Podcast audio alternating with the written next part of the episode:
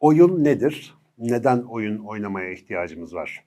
Ya şimdiye kadar belki de üzerinde en çok konuştuğum konu olabilir ama burada bu soru başlığı altında bunu bir toparlamakta fayda var efendim.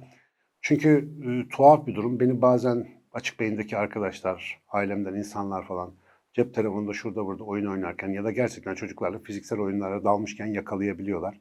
Genellikle gözlerinde şöyle bir bakış olabiliyor. Bazısının, hepsinin değil tabii de. Hayır 50 yaşına geldi bak hala bu işlerle oyun ne enteresan falan filan. Koca adamsın hala oyun oynuyorsun falan gibi bir şey çok duymuş olabilirsiniz. Çoğumuz da hani benim gibi yaş kemale erdikten sonra içlerinde o bir türlü susturamadıkları oyun ihtiyacını biraz gizli saklı gidermeye çalışıyorlar aslında.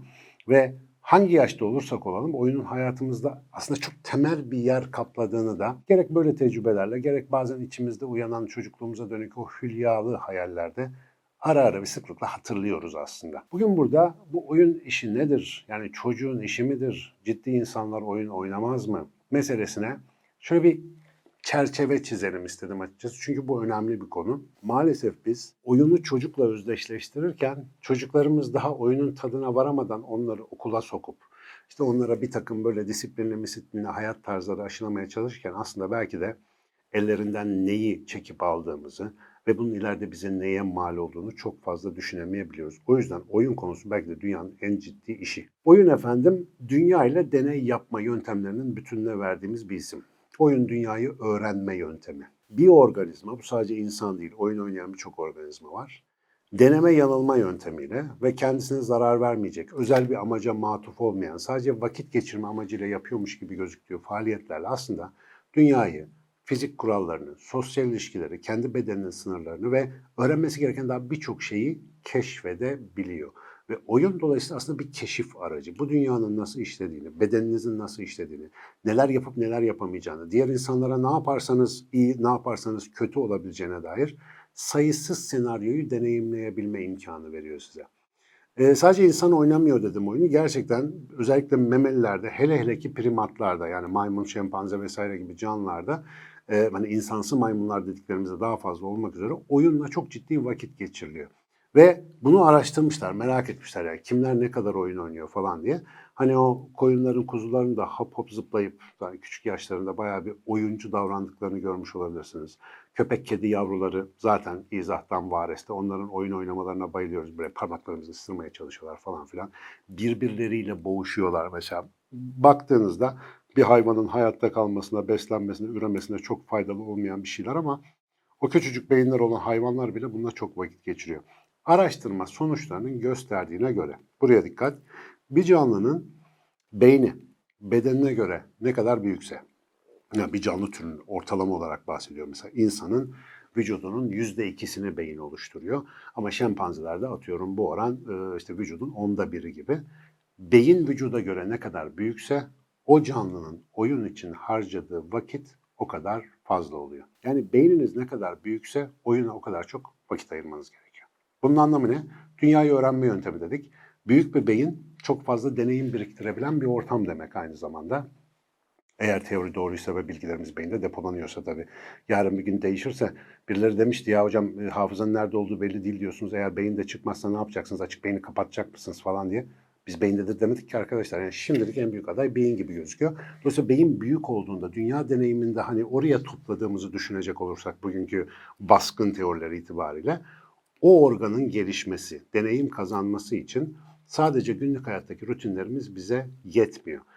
Çeşitli farklı senaryolarla, tamamen keyfi amaçlarla yani özel bir amaca e, yönelik olmadan yaptığımız hareketler, kurguladığımız senaryolar bir şekilde bize farklı olasılıkları deneme imkanı veriyor.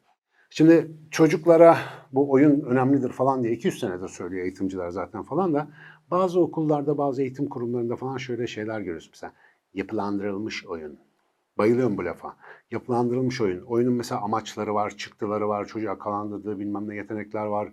Psikomotor becerileri geliştirir, zekayı geliştirir, akıl fikir yapar falan gibi. Halbuki oyunun temel tanımını, özellikle insan çocuğu için oyunun temel tanımını bilseniz bunların ne kadar abuk şeyler olduğunu hemen fark edeceksiniz. Oyun süresini, ödülünü ve kuralını oynayan kişinin kendisinin belirlediği şeye denir. Yani süresini, kuralını ve ödülünü siz belirlemiyorsanız o oyun değil size verilmiş bir görevdir efendim. Dolayısıyla oyun vasfını kaybeder. Çocukken oynadığımız oyunları düşünün. Hani mesela diyelim mahallede futbol bile oynarken imajiner bir kale üretiyorduk mesela. Ya orada bir kale yok ama iki tane taş koyuyorduk. İşte o taşın efendim kaleci elini kaldırdığı zaman ulaşabileceği en üst noktasında kalenin üst direği olarak varsayıyorduk. Tamamen uydurduğumuz bir kurallar dizgesiydi bu. Ve normal futbolda var olan hemen hemen hiçbir kuralın offside gibi falan kuralların geçerli olmadığı bir kural kurguluyorduk.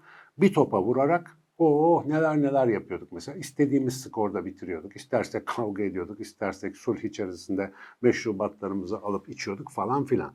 Şimdi böyle oynadığınız bir oyun son derece geliştirici bir oyunken dikkat ediniz mesela futbol, profesyonel futbol oynamaya başladığınızda bu artık bir oyun değil müsabakaya dönüşüyor. Bir göreve dönüşüyor. İnsanlara milyonlarca lira para ödüyorsunuz falan filan büyük bir sektöre dönüşüyor.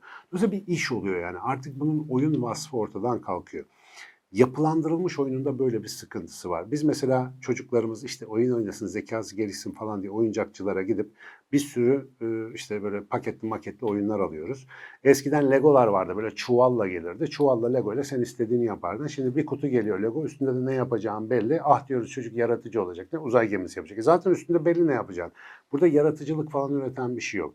Sadece mesela tek bir çamur parçasını çocuğun eline verip onunla 5 saat oynamasına izin verebilirsiniz. O çocuğun gerçekten yaratıcılığını tetikleyecek olan şey ne çıkacağı belli olmayan bir ortamla, bir araçla kendi kafasına göre bir şey yapmazdır. Belki dünyanın en güzel Davut heykelini yapmayacak ama yaptığı şey çamurla onun, çamura biçim verme deneyimiyle onun beyninin arasındaki ilişkiyi kuvvetlendirecek benzersiz bir deneyim olacak. Dolayısıyla efendim oyun dünyayı öğrenmek isteyen canlının en kıymetli aracıdır.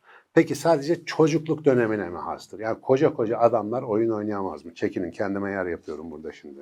Tabii ki gerekiyor. Neden? İnsan beyni diğer canlıların beyninden farklı olarak tam gelişmeden doğuyor biliyorsunuz ve çocukluk, bebeklik, çocukluk çağlarında gelişimine, anne karnında geçirmesi gereken gelişimine aslında dışarıda devam ediyor. Fakat 20'li yaşlara kadar çılgın bir şekilde devam eden bu gelişim eskiden zannedildiği gibi o 20-25 yaşlarında durmuyor ömür boyu devam ediyor. Ömür boyu yeni şeyler öğrenebiliyoruz. Yeni beceriler kazanabiliyoruz. Zihnimizi, fikrimizi, davranış tarzımızı, düşüncelerimizi değiştirebiliyoruz.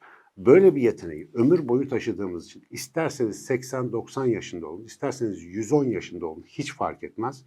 Allah uzun ömürler versin.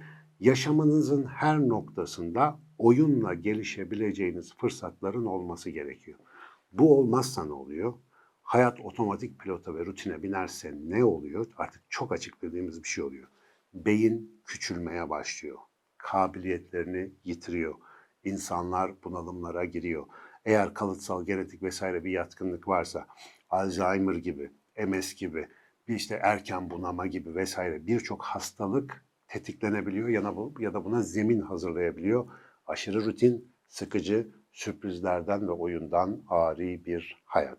Yıllardır dünyanın ne kadar kaotik, ne kadar öngörülemez bir yer olduğunu anlatmaya çalışıyorum. Bizim medeniyet içerisindeki, sosyal dokumuz içerisindeki planlı, programlı, işte kurallara uygun yaşayan ve işte belli bir kadere doğru ilerleyen insan hikayesinin ne kadar aslında yapay ve kurgusal olduğunu anlatmaya çalışıyorum. Kaotik ve ne yapacağı belli olmayan bir dünyayı öğrenmenin en güzel yolu oyunu unutmamaktır. Hayatın bir oyun olduğunu unutmamaktır. Bu hayatın kurallarını, ödülünü ve süresini bizim belirlediğimiz oyunlardan oluştuğunu çözdüğümüz zaman buranın çok daha eğlenceli olacağına inanıyorum. Oyun oynamayı gerçekten keşfedersek bize işte o para, pul, iş, makam, eğitim, başarı falan dedikleri şeyin ne kadar sahte oyunlar ve böyle burnumuza tutulan havuçlar olduğunu ayan beyan fark edeceğimizi düşünüyorum. Efendim Hayattan keyif almak esastır. Ne yapıyorsanız, durumunuz neyse, yaşınız, ekonomik durumunuz, yaşadığınız yer, yaşadığınız zaman ne olursa olsun esas olan buradan biraz keyif alarak geçmek. Oyundan daha çok keyif aldığınız bir şey biliyorsanız onu yapın ama bana sorarsanız bu hayatta oyun oynamaktan daha büyük bir lüks ben şimdiye kadar yaşamadım.